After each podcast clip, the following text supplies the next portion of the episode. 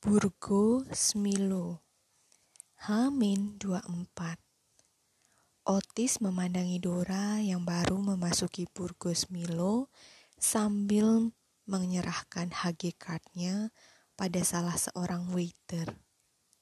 Hari ini ia kembali menjalani shiftnya untuk datang ke tempat yang Dora datangi. Namun, Kali ini ia lebih memilih mengamati dari jauh. Toh kakeknya menyuruh mereka datang untuk mengenal lebih dekat, bukan? Dan bagi Otis, mengamati seseorang dari jauh adalah salah satu caranya lebih dekat seorang. Otis duduk hanya berselang tiga meja dari Dora. Ia bisa melihat dahi gadis itu berkerut ketika menempelkan ponselnya ke telinga. Sepertinya gadis itu sedang menunggu panggilannya dijawab. Chevy, I'm still alive inside have asleep only five hours. Otis menaikkan sebelah alisnya dan menyesap coklatnya, menyesap koknya begitu mendengar sapaan Dora yang anti mainstream. Ternyata, mungkin kalau Dora tidak menyebut nama seorang bernama Chevy, siapa pun mengira Dora sedang laporan pada pacarnya yang overprotective. Eh, dia udah punya pacar belum ya? Akhir-akhir ini, rasa penasaran Otis terhadap Dora kian membludak. Ia pikir dirinya hampir gila akibat perjodohan ini. Bagaimana bisa ia mulai tertarik pada gadis itu? Kalau Felix atau Dylan, mungkin itu fajar. Mereka lebih mempunyai hati dibandingkan dirinya maupun Owen. Felix dan Dylan mempunyai kepribadian lebih menyenangkan daripada dirinya. Dan pastinya, untuk urusan gadis, harusnya hanya Felix dan Dylan yang tertarik. Walaupun mungkin di antara keduanya tidak benar-benar mencintai gadis itu. Tapi, kenapa sekarang Otis mulai seperti kedua sepupunya itu? Hanya Owen yang terlihat tidak tertarik sama sekali pada Dora tiap kali mereka berempat membicarakan Dora. Sekarang pun, Otis hampir tidak bisa memakai topeng arogan dan cueknya jika telinganya sudah mendengar nama Dora disebut. Oh men, ini benar-benar berbahaya. Keluh Otis sebal dalam hatinya. Gue gak bakalan pingsan di tengah jalan cuma karena begadang ngegosip sama lo. Oh please Chevy, lo jangan sama posesifnya sama kayak Kak Noel deh. Kadang gue suka sebel sama lo kalau lo kayak gini. Mending lo cepet-cepet punya pacar deh. Apa? Ngarepin pangeran itu ngedatengin lo? Dasar tukang ngimpi. Otis terkekeh. Merasa terhibur mendengar omelan Dora yang menimpali seseorang bernama Chevy dari panggilan telepon tersebut. Ketika waiter mengantarkan pesanan Dora, Gadis itu berhenti sejenak, lalu mencomot kentang goreng yang mendampingi cheeseburger dan mini visi sticknya. Benar-benar selera makan yang ganas. Gumam Otis dengan matanya yang sedikit melebar menatap pesanan Dora. Sebenarnya, apa yang dilihat kakeknya hingga mereka berempat diharuskan melakukan pendekatan dengan gadis seperti Dora. Hingga saat ini, Otis benar-benar tidak tahu motif dari perjodohan ini. Perjodohan bisnis. Perusahaan milik keluarga gadis itu bukan bergerak di bidang yang sama dengan HG.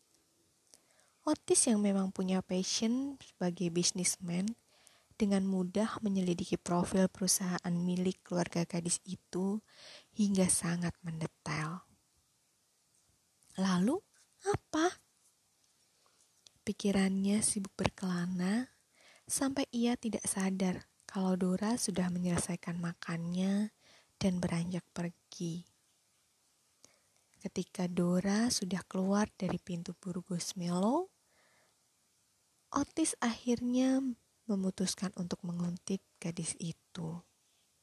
Setelah membayar minumannya, ia mengikuti Dora yang berjalan santai dari jarak yang menurutnya aman. Dilihatnya gadis itu mampir di sebuah gerobak bakso dan mulai memesan. Otis mendecakkan lidahnya. Squat apa perut gadis itu? Ia baru saja selesai makan large french fries, cheeseburger, dan stik ikan berukuran mini, dan kini sudah memesan bakso lagi. Duh! Lamunan Otis tersentak ketika mendengar pekikan tertahan dari Dora. Dilihatnya seorang anak kecil yang sudah berjongkok mengambil mangkuk baksonya dan sibuk meminta maaf pada Dora. Kuah bakso yang panas rupanya telah menyiram sebagian kakinya karena anak kecil itu berlari hingga tersandung dan menumpahkan baksonya pada Dora. Dora tersenyum dan mengiyakan permintaan maaf anak kecil itu sambil sesekali mengipasi kakinya yang kepanasan. Gini deh akibatnya kalau lo beli bakso, padahal perut lo habis makan banyak. Dora terkejut begitu mendapati Otis kini berlutut di hadapannya dengan sapu tangan membersihkan kuah bakso di petisnya. Dora masih memegang kursi plastik yang ia duduki ketika Otis selesai membersihkan kakinya dan membantunya berdiri. Dora lalu menerima sebungkus bakso yang tadi ia pesan dan kini sudah dipapah oleh Otis. Eh, lo ngapain? Tanya Dora tergagap. Beberapa hari yang lalu, Dora memang bertemu dengan lelaki ini. Tapi ia sama sekali tidak mengenal siapa dia. Namun, lelaki yang kini memapahnya seakan sudah mengenal Dora. Yang ngebantu lo lah. Lo kira gue lagi akrobat? Gue juga tahu, tapi gue aja gak kenal lo.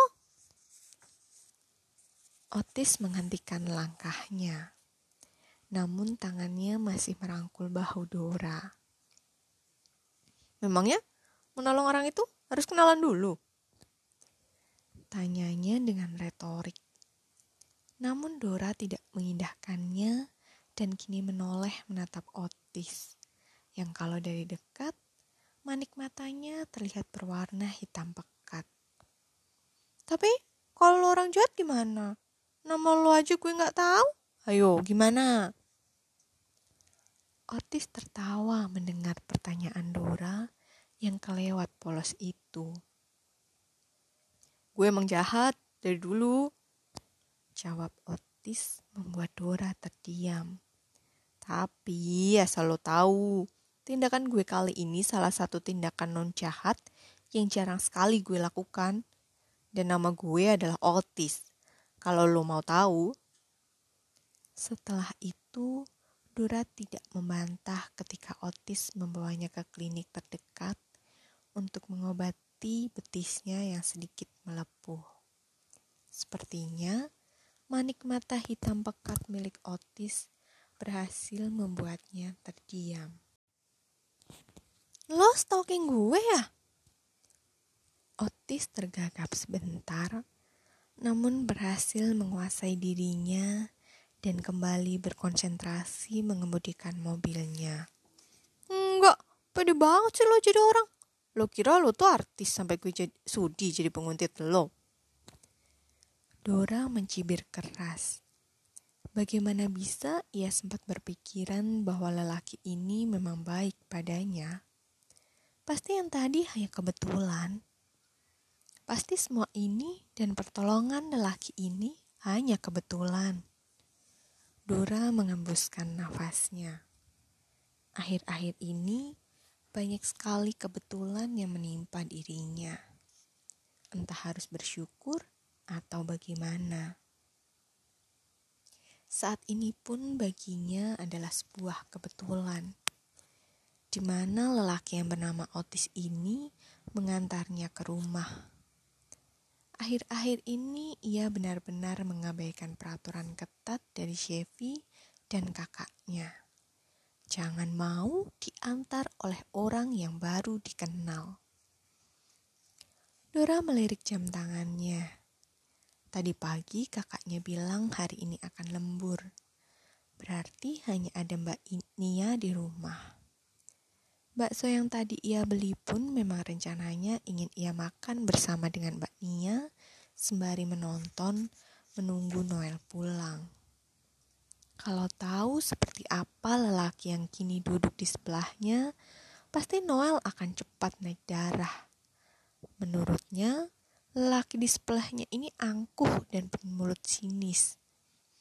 Untung saja, kemungkinan Otis menghadapi interogasi dari Noel sangat kecil. Lo kenapa ngeliatin gue kayak gitu? Jangan-jangan si jadi Derito, lo bener naksir gue ya? Dora bercengit mendengar tuduhan paling irasional yang dilemparkan Otis. Ya bener aja, bisa naik darah. Bisa darah tinggi terus kalau gue bener naksir lo. Lo pikir gue ini pemicu naiknya tekanan darah apa? Tanpa gentar, Dora justru mengangguk. Iya, kalau gue jantungan nih ya, mungkin gue bakal sering anfal ngadepin orang kayak lo. Otis menatap Dora tajam. Nona, Rasanya gue yang bakal unfall alias kejang-kejang sepanjang hari kalau terus-terusan ngeladenin anak kecil kayak lo. Ah, bagus deh. Seenggaknya itu lebih baik daripada ngadepin lo terus-terusan. Bikin jantung gak sehat dan volume otak menyusut drastis. Akhirnya, sepanjang perjalanan menuju rumah Dora, kedua sosok itu terus berdebat tanpa henti, tanpa lelah dan tanpa menyadari bahwa perdebatan adalah jalan komunikasi paling baik di antara mereka.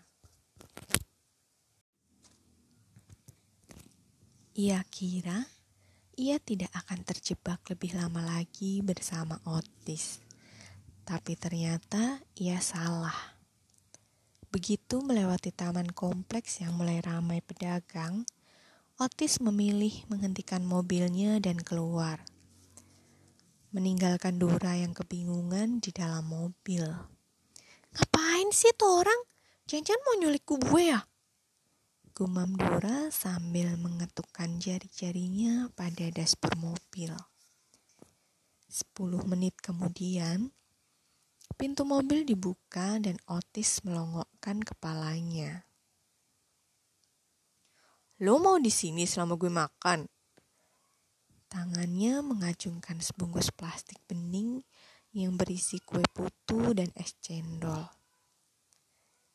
Tanpa menjawab pertanyaan Otis, Dora hanya melangkah keluar dari mobil menyusul Otis yang kini duduk di kursi taman tidak jauh dari tempat mobil Otis terparkir. Masih sakit banget kakinya. Dora menggeleng sambil duduk di samping Otis. Sedikit perih di betisnya ia abaikan. Otis menyerahkan kue putu yang masih hangat terbungkus kertas makanan kepada Dora.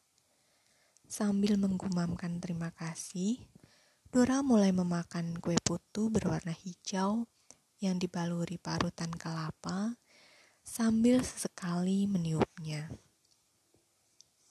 Sorry, gue jadi ngajak makan dulu. Gak apa-apa. Mereka kembali terdiam, sibuk dengan makanan masing-masing sambil menikmati lalu lalang jalanan dari pinggir taman. Riuh rendah balita yang bermain di taman dengan para pengasuh yang berkumpul sembari mengawasi anak asuhnya masing-masing seakan menjadi musik tersendiri bagi taman di sore hari itu.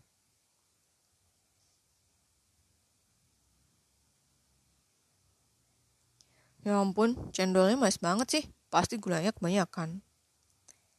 Tanpa sadar, Dora memutar bola matanya dan menoleh ke arah Otis yang dahinya berkerut sambil memegangi gelas plastik cendolnya. Please deh, keluhan lo tuh ngerusak suasana banget sih. Otis menatap Dora tajam. Eh, gue bukan ngeluh, cuma mengungkapkan rasa ketidakpuasan gue doang. Halah, itu sama aja ngeluh. Heran deh, jadi manusia kok seneng banget ngeluh sih? Mengeluh itu salah satu bentuk verbal dari sebuah ekspresi.